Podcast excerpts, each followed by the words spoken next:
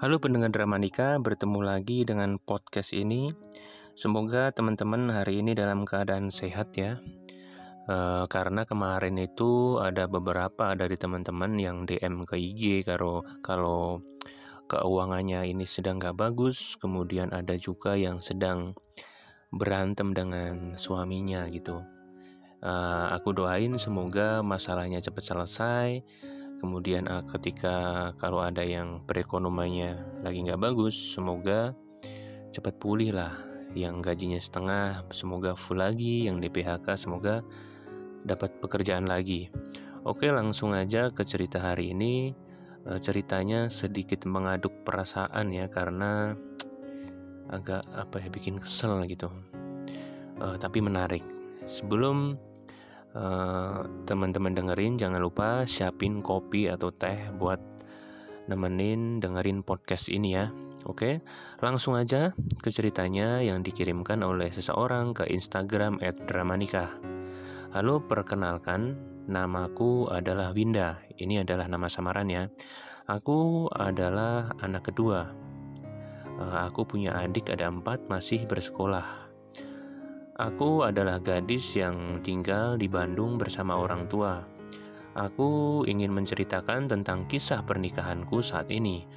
Mungkin beberapa orang pernah mengalaminya, namun ini memang real cerita dari aku.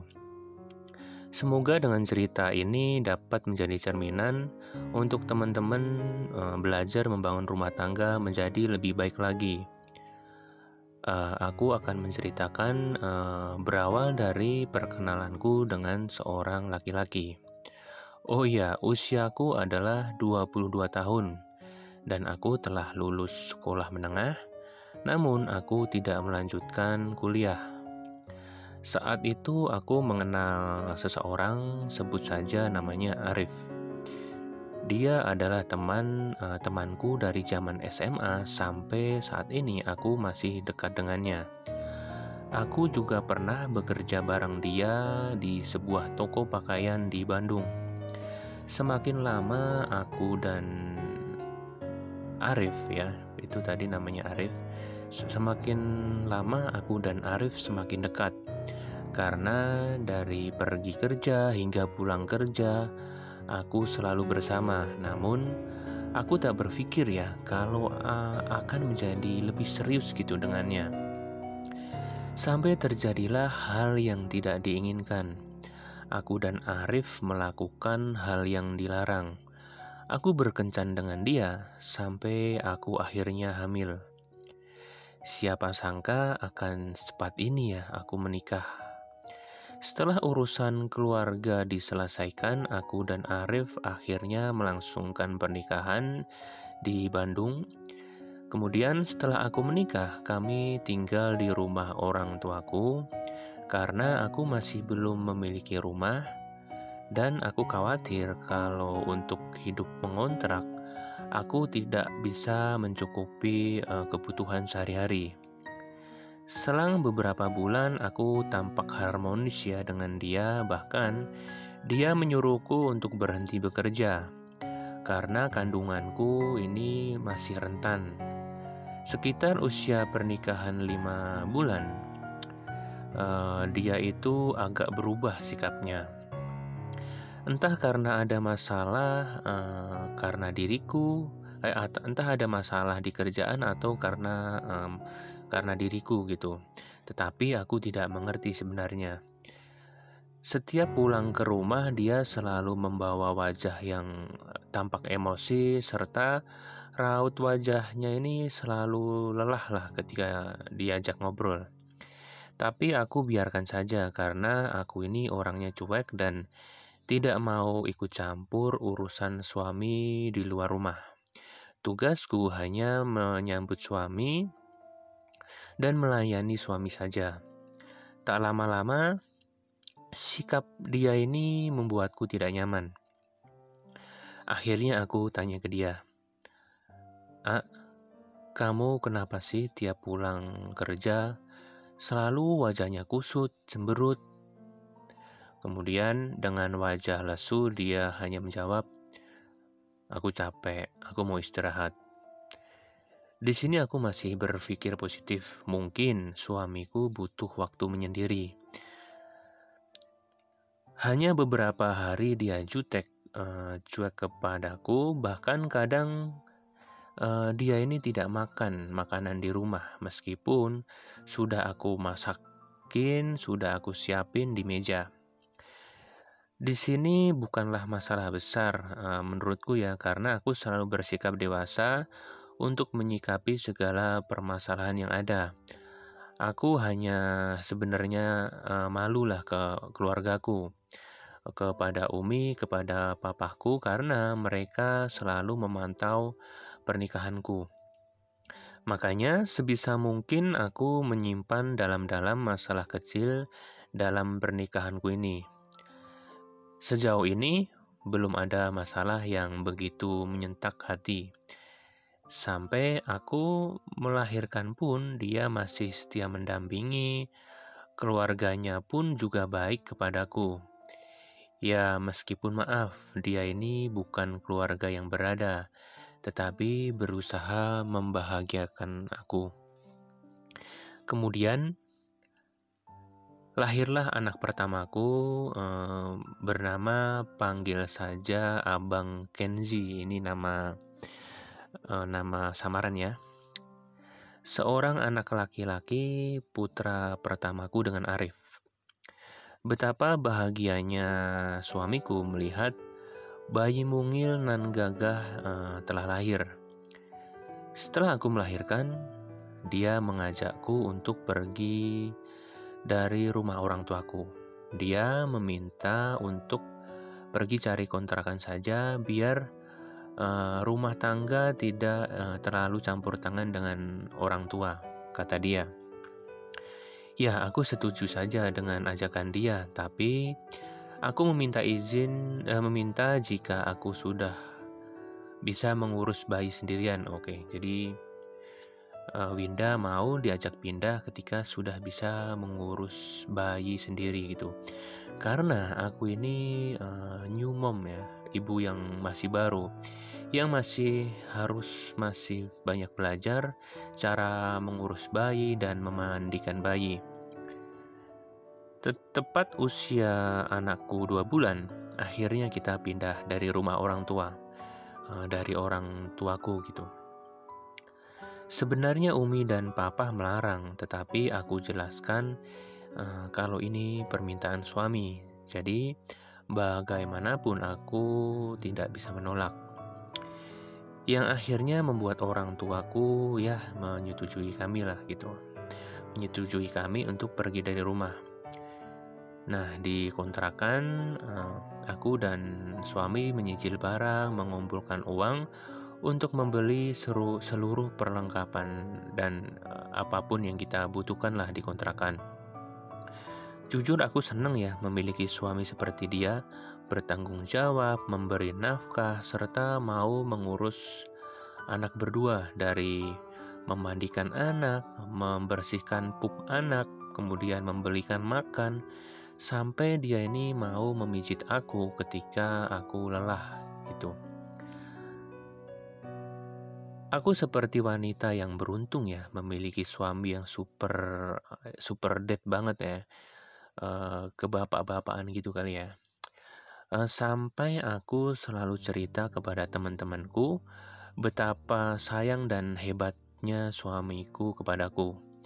Bahkan suamiku ini sangat dekat dengan beberapa temanku, teman wanita maksudnya. Tapi aku tidak heran karena dia memang mampu bersosialisasi ya Eh, bersosialisasi dengan siapa pun dia ini orangnya supel gitu. Sudah beberapa tahun pernikahan kita begitu tampak harmonis. Meskipun sederhana, sekarang Abang Kenji sudah uh, berusia tiga tahun. Nah, setelah itu uh, aku ber berencana mau melepaskan KB karena aku pengen nambah momongan. Tentunya dengan persetujuan suami ya. Nah, akhirnya aku melepaskan KB. Nah, tidak lama kemudian aku hamil. Alhamdulillah sangat bersyukur atas nikmat Allah yang diberikan. Keluargaku pun tampak bahagia ya, karena ternyata aku ini walaupun uh, pindah dari rumah, hidup sendiri tidak kesusahan dari segi ekonomi dan tidak tersiksa batin meskipun jauh dari orang tua.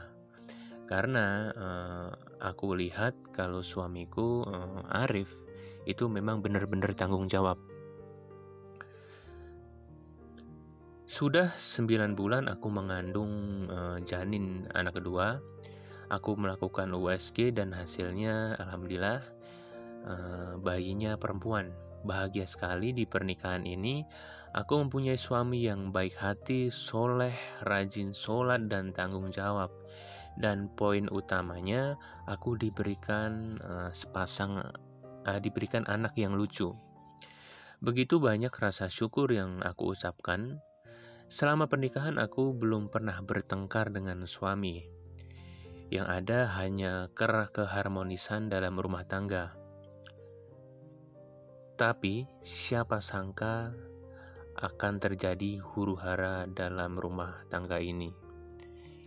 Nah, jadi setelah ini itu katanya ada masalah dalam rumah tangga padahal sebelumnya itu tidak pernah ada. Yang aku tahu, pertengkaran dalam rumah tangga ini adalah uh, oke. Okay, jadi sebelumnya uh, si Winda ini uh, mengira kalau pertengkaran dalam rumah tangga ini bumbu cinta untuk uh, kita suami istri semakin melekat. Namun tidak dengan kisahku ini.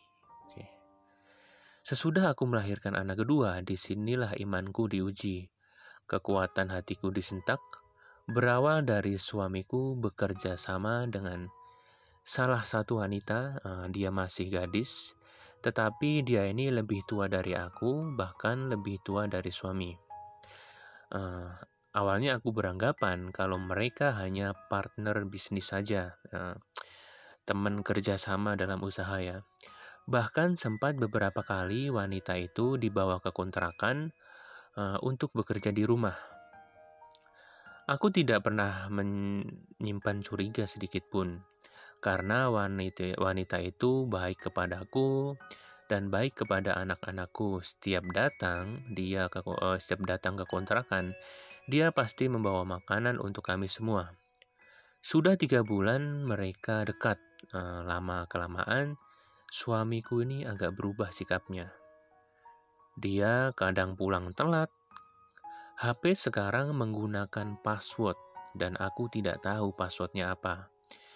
Tapi aku tidak gubris lah uh, karena aku tidak punya bukti apa pun. Jadi aku biarkan. Dan anehnya, FB dia, F, uh, Facebook dia pun tiba-tiba uh, logout. Uh, keluar gitu ya, tidak login lagi gitu. Logout dari HP Winda. Mungkin sebelumnya tuh login bareng-bareng gitu ya. Uh, wanita mana yang tidak curiga melihat suaminya pelan-pelan berubah? Karena aku tidak mau ada pertengkaran uh, di rumah ini, apalagi pertengkaran di hadapan anak-anak, uh, maka aku bicarakan saja secara langsung, dan aku uh, aku bicarakan secara langsung uh, yang apa aku rasakan saat ini. Kenapa sekarang kok berubah sih? pulang sering telat, terus kenapa aku cek uh, kemarin HP-nya kok dikasih sandi dan aku nggak tahu sandinya. Uh, dengan nada pelan aku tanya ke suami karena aku tidak mau ya uh, kita bertengkar. Tapi dia jawab dengan uh, santai, slow. Kenapa apanya ya bu? Ini HP dikunci, karena suka dimainin sama Abang Kenji. Takutnya ada file yang terhapus atau ada salah kirim WA. Kan sekarang Abang Kenji udah pinter main HP, Bu. Kata dia seperti itu. Nah, dari situ aku tidak bisa berkata dan ya percaya aja lah gitu. Percaya aja dengan jawaban dia yang padat dan jelas. Oke lah, saat itu aku mendengar jawabannya dan aku langsung menghela nafas. Oh, ya udah nggak apa-apa, gitu, kata Winda. Makin hari, uh, setelah itu makin hari uh, suaminya ini berbeda sikapnya. Bahkan uh, semakin dingin gitu sikapnya. Tapi uh, masih aku hiraukan, aku tetap memantau perilaku dia. Sebulan, dua bulan aku bersabar. Malah makin uh, dia ini menjadi-jadi benar-benar cuek dan setiap ada di kontrakan selalu main HP. Sekalinya HP-nya itu ditinggal, uh, dia matikan HP-nya. Mungkin dia ini saking takutnya ya, uh, takut ketahuan atau gimana dia main serong di belakangku. Nah, setelah itu mungkin Allah lebih sayang kepadaku. Allah menampakkan langsung bukti kepadaku kalau suamiku ini selingkuh dengan partner bisnisnya. Uh, partner bisnisnya yang sering dibawa ke kontrakan. Tidak begitu, be, tidak begitu kaget karena aku ini sudah jauh-jauh hari menduga uh, kalau hal ini bakal terbongkar di kemudian hari. Saat itu juga hatiku hancur, hatiku begitu tersentak dan serasa disambar petir. Aku, tanganku gemeteran, sambil membawa sapu tetapi aku bingung uh, aku bingung mau melakukan apa aku ingin memukul suamiku tetapi tidak mampu aku menahan tangis ini melihat handphone dia yang tidak dikunci aku memba membaca beberapa chat dia dengan partner bisnisnya uh, dan di chat itu partner bisnisnya bilang uh, bilang ngirim WA ke suami. Dia bilang gini, kamu jadikan cerai sama istri kamu? Pasti bohong ya. Cuma mau bikin aku seneng. Cuma BHP kan? Dia bilang seperti itu ke suami. Apa yang kalian pikirkan? Di sini aku benar-benar jadi orang yang seperti patung. Di sini nulis sesuatu tapi aku nggak bisa bacakannya. Uh, aku hanya bisa mematung, hanya bisa berdiam, bahkan aku meneteskan air mata pun tidak sanggup. Aku melihat suamiku uh, keluar dari kamar mandi dan aku bergegas menyimpan handphone dia. Uh, kemudian aku memilih memeluk kedua anakku. Tak lama kemudian suamiku meminta izin untuk pergi, uh, untuk katanya pergi sebentar gitu. Aku hanya mengiyakan saja. Uh, setelah itu, seketika pecah semua rasa itu. Uh, tangis terseduh di hadapan kedua anakku. Abang Kenji pun bertanya, "Ibu, kenapa nangis?" Kemudian aku hanya bisa tersenyum dan menjawab, "Ibu menangis bahagia lihat Abang Kenji dan Dede sehat terus, jadi anak soleh dan solehah." Mereka sembari terus menatapku dan membawakan tisu, membersihkan air mata di pipi ibunya. Tetapi tangisku malah semakin menjadi menjadi-jadi melihat sikap anakku yang begitu cekatan, perhatian sama ibunya. Aku membayangkan bagaimana nasib anakku jika aku bercerai. Apa aku sanggup untuk uh, mendua? Apalagi uh, dari segi materi kita hidup sederhana. Uh, apalagi suamiku nanti harus membagi hartanya ke lebih uh, banyak orang. Seperti tidak ada lagi harapan di pernikahanku. Aku sudah berkata dalam hati, aku pengen cerai. Aku gak kuat selama ini sabar. Selama ini suamiku cuek dan berubah dan ternyata memang karena ada wanita lain. Aku berpikir, apa karena aku ini jarang dandan ya? Apa karena aku ini selalu memakai daster? Sehingga suamiku bosan kepadaku dan mencari uh, wanita lain.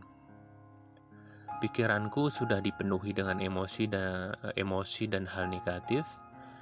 Kemudian, selang satu jam kemudian suamiku pulang.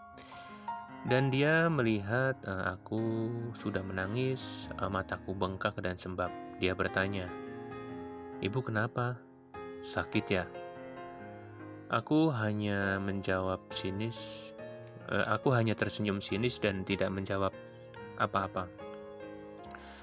Tapi dia tidak merasa ada sesuatu yang janggal, seolah nggak peka lah gitu. Dan sesudah itu dia hanya pergi, cuci tangan, cuci kaki, lalu pergi ke kasur dan tidur. Dalam hati ingin rasanya uh, tutup wajah dia dengan bantal sampai tidak bernafas. Tetapi aku hanya terdiam dan sudahlah Aku curhat ke Allah saja dan meminta jalan yang terbaik. Keesokan harinya, dia masih tidak tahu apa-apa sebenarnya yang terjadi. Sampai lewat satu minggu, dia membawa partner bisnisnya ke kontrakan lagi. Astaga, aku langsung melempar panci uh, di dapur uh, dengan suara keras sampai suami uh, suamiku menghampiri dan bertanya, "Ada apa ini?" gitu kata dia. Aku hanya berkata, e, "Ini jatuh e, licin," gitu katanya. Suamiku pun terdiam dan aku sangat keras kesal. Aku ingin partner bisnisnya itu lihat betapa kuatnya aku menjalani rumah tangga ini. Eh, kemudian aku ikut ke ruang depan bersama suamiku uh, sambil memegang tangannya gitu. Jadi di depan tuh ada suami dan partner bisnisnya yang kerja. Winda ini ke depan memegang tangan uh, suaminya. Mungkin suamiku heran ya, ada apa dengan aku ini tiba-tiba mesra di depan orang lain. Sesekali suamiku melepas tangannya, namun aku tetap bersandar di bahunya uh, memegang tangannya sampai uh, suamiku ini berkata, "Ibu bentar ya, uh, ada pekerjaan gitu." Kemudian aku bilang, "Nggak apa-apa, aku temenin, nggak apa-apa kan ya teh?" gitu. Partner bisnis dia hanya tersenyum sedikit seperti merasa panas. Dan tak lama ada telepon masuk ke HP partner bisnis suamiku Sampai akhirnya dia pulang, da, uh, padahal pekerjaannya ini belum selesai. Pasti dia kepanasan uh, melihat aku romantis dengan suami, tetapi setelah partner bisnisnya pulang, aku bergegas ke kamar dan istirahat. Jujur, aku masih menyimpan rasa dendam dan sakit hati, namun aku selalu menguatkan diri demi rumah tanggaku ini. Setiap kali aku menanyakan perihal WA itu, aku selalu takut. Uh, jadi ketika Winda ini pengen nanyain tentang chat dia dengan partner bisnisnya, perselingkuhannya itu, uh, Winda selalu takut karena bagaimana jika suamiku ini malah mengatakan talak atau bagaimana kalau aku tanya-tanya malah dia ini benar-benar pengen pergi dari aku. Aku sangat ketakutan sehingga aku memendam semua uh, apa yang aku tahu dan tidak ada yang tahu juga keluargaku pun gak tahu. Tetapi memang rasa sakit ini begitu menyayat hati. Benar sakit dan terluka setiap hari aku melihat handphone suamiku. Setiap aku melihat suamiku pulang uh, dari kerja, aku selalu berpikiran negatif. Uh, apakah tadi suamiku berhubungan badan dengan partner bisnisnya ya? Kurang lebih seperti itu. Dan banyak hal negatif lain yang terlintas di otakku.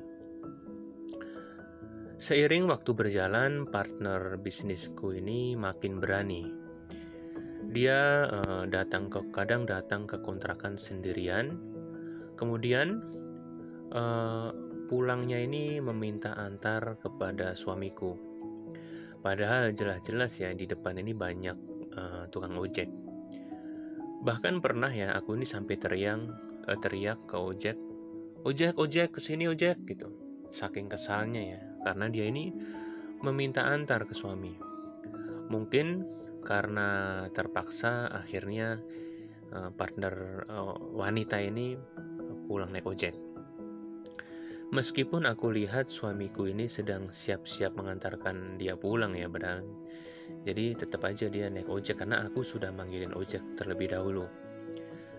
Aku tahu modus dia ini ingin selalu dekat dengan suamiku. Tetapi sebisa mungkin aku selalu mencegah uh, semenjak aku tahu tentang uh, permainan serong mereka lah. Jadi setelah itu aku intinya lebih posesif.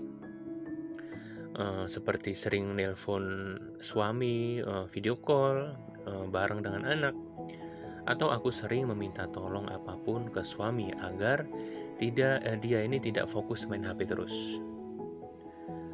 Jarak tiga hari partner bisnisnya datang lagi ke kontrakan. Oh, jadi setelah tiga hari partner bisnisnya ini datang lagi ke kontrakan dengan alasan laptopnya rusak. Bahkan malam hari pun dia berani datang. Mungkin maksud dia ini pengen nginep gitu ya entahlah. Tapi intinya aku nggak ngerti lah maksud dia tuh seperti apa. Tapi aku selalu ada cara agar partner bisnisnya ini tidak berlama-lama di kontrakan sampai dia ini uh, kelihatan kalau raut wajahnya jengkel melihat sikapku kepadanya dan melihat keromantisanku bersama suami di depan dia. Kadang aku berpikir ya, meskipun aku ini menikah karena terpaksa, aku menikah karena hamil duluan, tapi tidak seharusnya rumah tanggaku ini hancur.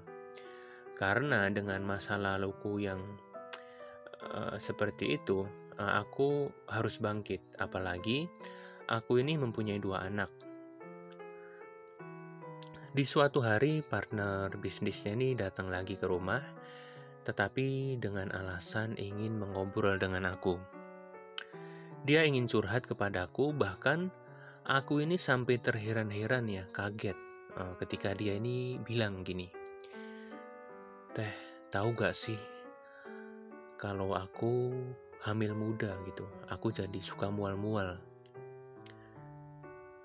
Akhir ini aku mual terus mules, malahan telat haid gitu. Aku, pun spontan berkata, Hah, hamil? Hamil sama siapa? Kan kamu belum nikah gitu. Lalu dia menjawab, Iya teh, aku mau curhat. Aku dekat dengan laki-laki tapi sayang, dia ini suami orang. Gitu. Dalam hati aku bicara, ya Allah, suamiku sudah melakukan hubungan badan dengan bajingan ini sampai hamil gitu. Tapi di sini aku masih bersikap dewasa dan tidak mau emosi. Hebat ya bisa gitu ya. Kalau itu saya jadi wanita udah saya lempar pakai panci pasti. Mungkin udah jadi kekerasan ya. Jadi kriminal mungkin. Tapi dia bisa bisa nahan emosi. Setelah beberapa lama berbincang-bincang dengan partner bisnis suamiku, uh, dia pamit. Uh, hati sangat kecewa, sedih, dan teman-teman pendengar drama nikah bisa nilai sendirilah bagaimana rasanya. Aku sampai pusing harus bagaimana sekarang, apa yang harus aku perbuat. Apakah aku harus menyerah atau merelakan suamiku jatuh ke wanita lain. Wah, gila sih. Itu bener-bener bisa ya nahan seperti itu ya istrinya ini. Oke, saya lanjut. Sudah berbagai cara aku lakukan agar suamiku menjauh dari partner bisnisnya. Sudah lelah rasanya aku menjadi benteng antara mereka sampai rasanya ingin merubuhkan benteng ini. Tapi lagi-lagi, aku memikirkan nasib anak-anakku. Bahkan, melihat anak pertamaku uh, tak lama lagi masuk sekolah TK, jadi nggak mungkin lah aku sampai cerai gitu. Ntar lagi sekolah dia. Pada suatu hari, di saat aku sudah benar-benar jenuh dengan keadaan ini, aku pergi ke rumah saudaraku, uh, anak uak lah. Aku curhat dari awal sampai semuanya detik ini. Sampai berderai air mata, saking tidak kuatnya aku menahan semua masalah ini. Saudaraku menanggapi keluhanku dan dia berkata, Udahlah cerai saja, ngapain dipertahanin? Itu udah ngerusak rumah tangga, mana mana dia udah hamil lagi. Udah apa lagi? Apa yang mau diincar? Udah cerai aja gitu. Kemudian mendengar dia bilang seperti itu, lagi-lagi otakku ini berpikir negatif. Uh, oh iya, mending aku cerai gitu. Tapi jujur aku tidak mau kalah dengan wanita bajingan itu. Aku nggak mau kalah, aku harus menang. Meskipun dia sudah hamil. Aku tidak mau kalah, mungkin saja uh, dia begitu murahan mau diajak hubungan badan dengan lelaki mana aja. Mungkin dia hamil bukan oleh suamiku, tetapi hamil dengan orang lain, dengan pria lain, dan minta tanggung jawab dengan suamiku. Aku mikir seperti itu. Tapi saudaraku mengelak. Dia tetap tidak terima dan berkata, Teh, Jangan bela suami teteh, dia ini salah, gak usah dibela-belain. Dan kemudian aku nangis lagi. Aku bingung, aku harus bagaimana dengan pernikahanku yang sudah di ujung tanduk. Saat itu suamiku tiba-tiba menelponku dan berkata, Bu, AA pulang, AA pulang telat gitu, kata dia. Lalu dia mematikan teleponnya dan tak lama ada WhatsApp masuk uh, yang berisi bahwa partner bisnisnya ini masuk RS, kar, uh, masuk rumah sakit karena pendarahan dan suamiku yang mengantarkan ke rumah sakit. Sakit hati banget uh, melihat suamiku ini lebih ini ya tanggap dan lebih perhatian mengantar partner bisnisnya ke rumah sakit. Namun aku berpikir apa partner bisnisnya ini keguguran ya dan di situ aku sedikit senang karena ada titik terang bahwa aku masih harus memperjuangkan pernikahan ini. Kemudian aku langsung membalas WhatsApp dia, eh, meminta alamat rumah sakitnya. Aku pun buru-buru ke rumah sakit itu karena aku ingin mengetahui apa yang sebenarnya terjadi. Sampai sana, sampai rumah sakit ternyata benar dia keguguran. Wajahnya lemas dan pucat. Tapi aku merasa tidak kasihan ya, justru senang. Aku pun mendekati suami dan bersikap harmonis di depan dia karena aku ingin menunjukkan kalau rumah tanggaku tidak bisa diusik dengan hal seperti itu. Seperti penuh penyesalan dan emosi bercampur aduk, raut wajahnya uh, tak seperti biasa ya. Jadi raut wajah si selingkuhannya itu kayak penuh penyesalan, kemudian emosi uh, campur aduk lah.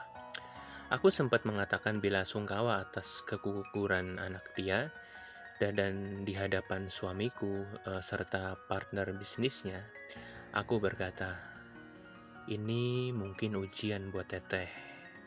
Makanya, gak boleh berzina dengan suami orang ya. Itu udah dikasih peringatan Semoga teteh dikasih lelaki yang tangguh di luar sana, bukan laki-laki dari suami orang. Di situ suamiku kaget, mungkin uh, dia tahu ya maksudku ini apa. Uh, karena suamiku ini belum tahu bahwa partner bisnisnya telah ngobrol denganku sebelumnya, jadi dia kaget gitu. Tanggapan dia mengenai omonganku hanya terdiam dan hanya uh, kesel ya wajahnya. Kemudian uh, bahkan dia ini menyuruhku pulang. Kemudian aku mengajak suami pulang. Awalnya suami menolak karena kasihan partner bisnisnya tidak ada yang menemani. Tapi aku bilang, mana nomor telepon keluarganya biar aku telepon. Kita samperin ke rumahnya aja biar keluarganya tahu. Biar dia yang nemenin kan bukan siapa-siapa kita juga gitu, kata aku. Dan keter dengan keterpaksaan akhirnya suami pulang. Di titik ini aku sedikit merasa menang dari dia. Tapi aku pun harus selalu menyiapkan cara agar uh, partner bisnisnya ini menjauh dari suamiku. Sebisa mungkin aku harus kuat dalam dalam perang dingin ini. Aku ini wanita sahnya dan dia hanya sebagai tester untuk diicip-icip. Aduh, dia nulis seperti ini di sini. Ini aku nggak nambah-nambahin ya. Wow, oke. Okay. Mungkin terserah kalian yang dengerinnya, komen gimana. Di sini, oke, okay, lanjut lagi ya. Di sini aku tidak bisa membenarkan perilaku suamiku yang salah. Namun, aku sebagai istri harus bisa mengubah suami ke jalan yang lurus. Oke. Ke jalan yang baik. Oke, jadi niat dia memang bagus sih mulia ya. Mungkin takdirku harus berusaha semaksimal mungkin memperjuangkan rumah tangga. Dari semenjak suamiku selingkuh, aku mencoba lebih merawat diri, berhias, selalu tampil cantik dan bersih. Setiap malam tiba, aku selalu mengganti pakaian yang lebih pantas di hadapan suami. Aku yakin bisa merubah sikap suamiku. Aku bisa menjadi istri yang terbaik dibanding wanita di luaran sana. Sudah dua hari partner bisnisnya ini di rumah sakit dan akhirnya boleh pulang uh, saat ke keadaan normal. Untuk kesekian kalinya dia meminta suamiku menceraikan aku agar mereka bisa tinggal bersama. Dan di hari itu juga per, uh, partner bisnisnya ini mengajak suamiku untuk pergi ke hotel.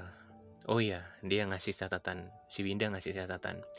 Aku sebenarnya uh, tahu WhatsApp ini karena aku menyadap HP suami sehingga meskipun HP-nya terkunci, aku tahu isi WhatsApp-nya. Tak lama setelah WA itu masuk, Eh, dan dibaca oleh suami, suamiku ini seperti buru-buru langsung ke kamar mandi, kemudian ganti baju dan pakai parfum. Ah, sakit sekali pokoknya intinya. Aku rasa sampai bimbang aku rasakan harus mencegah bagaimana, harus ikut atau gimana untuk memastikan mereka ini tidak melakukan hal yang uh, tidak diinginkan. Lalu suamiku pergi begitu saja dan tanpa banyak tanya, aku mengiyakan kepergian dia. Karena saking penasarannya, lalu aku memanggil tukang ojek di depan kontrakan. Aku pergi mengikuti suami sambil membawa dua anak panas-panasan waktu itu, siang hari. Aku yang membawa dua anak dengan satu ojek uh, sambil menahan tangis, sakit hati, dan sampailah dia janjian di sebuah hotel, hotel melati lah. Di sini nyebutin hotel tapi saya samarkan. Sampai hati ya, eh, Mang Ojek ini tanya kepadaku, dia bilang gini, Teh, suaminya ngapain itu ke hotel teh? Dan aku hanya bisa bilang, uh, dia meeting pekerjaan gitu. Setelah mereka masuk ke hotel, aku nggak sanggup melakukan apa-apa. Dan aku dengan perasaan sedih menangis minta abang ojek itu membawaku pulang kembali ke kontrakan. Kacau sekali pikiranku saat ini mengurus dua anak tidak karuan, sampai anak bungsuku ini rewel. Mungkin mengertilah uh, perasaan ibunya yang sedang kacau. Malam pun tiba dan suamiku pulang, aku tak tanya sedikit pun, tapi dia menyapaku. Aku hanya menjawab dengan singkat dan tatapan sinis. Di situ aku mengajak suami untuk mengobrol, aku meminta kepada suami untuk pindah dari kontrakan dan balik ke rumah Umi dan Papa atau orang tuaku. Tetapi suamiku terheran, ada apa tiba-tiba pindah rumah? Aku tidak banyak menjelaskan, eh, aku hanya ingin rumah tangga kita harmonis dan aman dari wanita lain. Wajah dia pun kaget. Mungkin dia sudah tahu kalau aku mengetahui semua kelakuan dia di belakangku. Sembari aku memeluk dia dan aku sekali lagi berkata, Aku hanya ingin rumah tangga kita ini langgeng. Tapi dari situ dia tidak banyak bicara, mungkin dia ini ketakutan dan cemas akan kebohongannya. Namun sayang, suamiku tidak menggubris keinginanku untuk pindah rumah. Dia tetap ingin tinggal di kontrakan, tidak mau satu atap dengan mertua. Sebenarnya sakit hati ini sudah tidak sanggup lagi aku tahan. Keesokan harinya aku pergi lagi ke rumah saudaraku untuk curhat. Meluapkan semua emosiku, mencurahkan isi hatiku yang kacau. Kali ini saudaraku mendukungku untuk mempertahankan rumah tangga ini agar partner bisnisnya ini tidak memiliki suamiku seutuhnya. Biar dia tahu rasa kekuatan istri pertama itu jauh lebih kuat ketimbang wanita simpanan. Sudah satu jam berbincang, uh, aku sudah lebih tenang hati dan uh, pikirannya udah mulai tenang lah. Kemudian aku pulang. Aku kaget bukan main, suamiku di rumah sedang ngobrol dengan partner bisnisnya. Tetapi aku harus kuat melihat mereka, aku jangan menangis. Aku hanya sedikit menyapa mereka dan bergegas masuk kamar untuk istirahat. Aku selalu berdoa jika suamiku ini jodohku dan semoga kalau memang iya dekatkanlah dengan aku. Jika memang bukan, uh, jika bukan suma, uh, suami yang terbaik maka jauhkanlah, gitu kata Winda. Biarkan aku menjadi janda. Seperti seperti virus uh, yang kebal obat partner bisnisnya ini terus mendekati suami. Begitu keras eh, cambukan rumah tanggaku ini, aku hanya ingin memiliki rumah tangga yang harmonis, tentram. Uh, sudah satu bulan mereka kelihatan makin dekat, tetapi aku juga terus melakukan kemesraan di depan partner bisnisnya. Bahkan di suatu hari partner bisnisnya jujur kepadaku bahwa ia telah selingkuh dengan suamiku. Aku hanya terdiam dan menjawab, suamiku setia, suamiku bertanggung jawab kepada anak-anak, mungkin melakukan hal zina, nggak mungkin melakukan hal zina seperti itu. Wow, jadi saya ulang ya kata-katanya. Jadi si partner bisnisnya tuh pernah bilang kalau dia ini jujur selingkuh doang dengan suaminya dan si Winda jawab, suamiku setia, suamiku tanggung jawab kepada anak-anak. Tidak mungkin dia melakukan zina seperti itu. Tetapi dia ini meyakinkanku dengan foto-foto mesra mereka. Aku hanya tersenyum. Suamiku memang sering berfoto dengan banyak wanita. Apa ada lagi buktinya?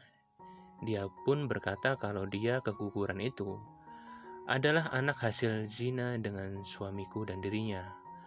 Aku pun menguatkan diri dan tersenyum kembali. Apa yang kamu inginkan dari suamiku? Apa tidak cukup hina kamu sudah melakukan ini semua terhadap suami orang? Apa kamu tidak malu hanya menjadi pelampiasan nafsu lelaki saat sesaat? Dia mungkin sudah terbawa emosi, dia pergi dengan tergesa-gesa dan membanting pintu. Aku hanya bisa merenung dan merenung diri, mendalami semua ucapan dia, uh, dan tidak begitu sakit lagi kurasakan. Wow, hebat. Dan sampai saat ini sudah dua minggu partner bisnisnya tidak kelihatan, tidak kelihatan lagi. Sesekali aku tanya ke suami, tapi dia menjawab kalau partner bisnisnya sudah pulang kampung.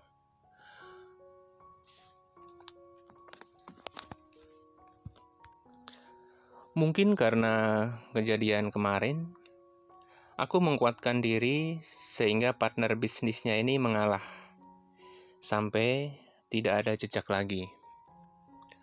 Bahkan, aku suka lihat WhatsApp di sadapan HP-ku. Sudah tidak ada pernah, sudah tidak ada chat lagi yang masuk satupun. Tidak ada uh, chat antara suami dengan selingkuhannya. Aku merasa berhasil telah menguatkan diri selama ini mendampingi suami yang sedang salah jalan, kemudian aku luruskan. Semoga semua semua ini menjadi amal ibadahku begitu mengabdi kepada suami dan nurut. Berlarut-larut dari hari ke minggu ke minggu partner bisnisnya ini Oke, berlarut-larut dari hari ke hari, minggu ke minggu, partner bisnisnya ini uh, sudah tidak ada lagi. Aku merasakan nyaman dengan suami, merasa saat ini keluargaku lebih banyak quality time. uh, menghabiskan waktu bersama keluarga. Suamiku tak lagi pulang telat dan sekarang pun handphone sudah tidak memakai password. Mungkin ini ending uh, dari drama nikahku. Doakan aku semoga eh, doakan aku semoga keluarga ini senantiasa dalam lindungan Allah, dijauhkan dari segala mara bahaya dan wanita penghancur rumah tangga. Meskipun aku tidak tahu kelak, kelak ada rintangan seperti apa lagi. Yang jelas saat ini aku sangat menghargai waktu yang ada.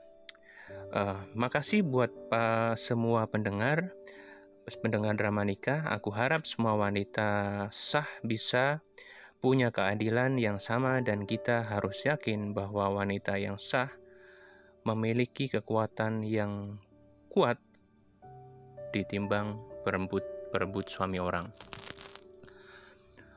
Wow, oke, okay, ini ceritanya sudah selesai ya. Endingnya seperti itu. Uh, kuat sekali wanita itu ya.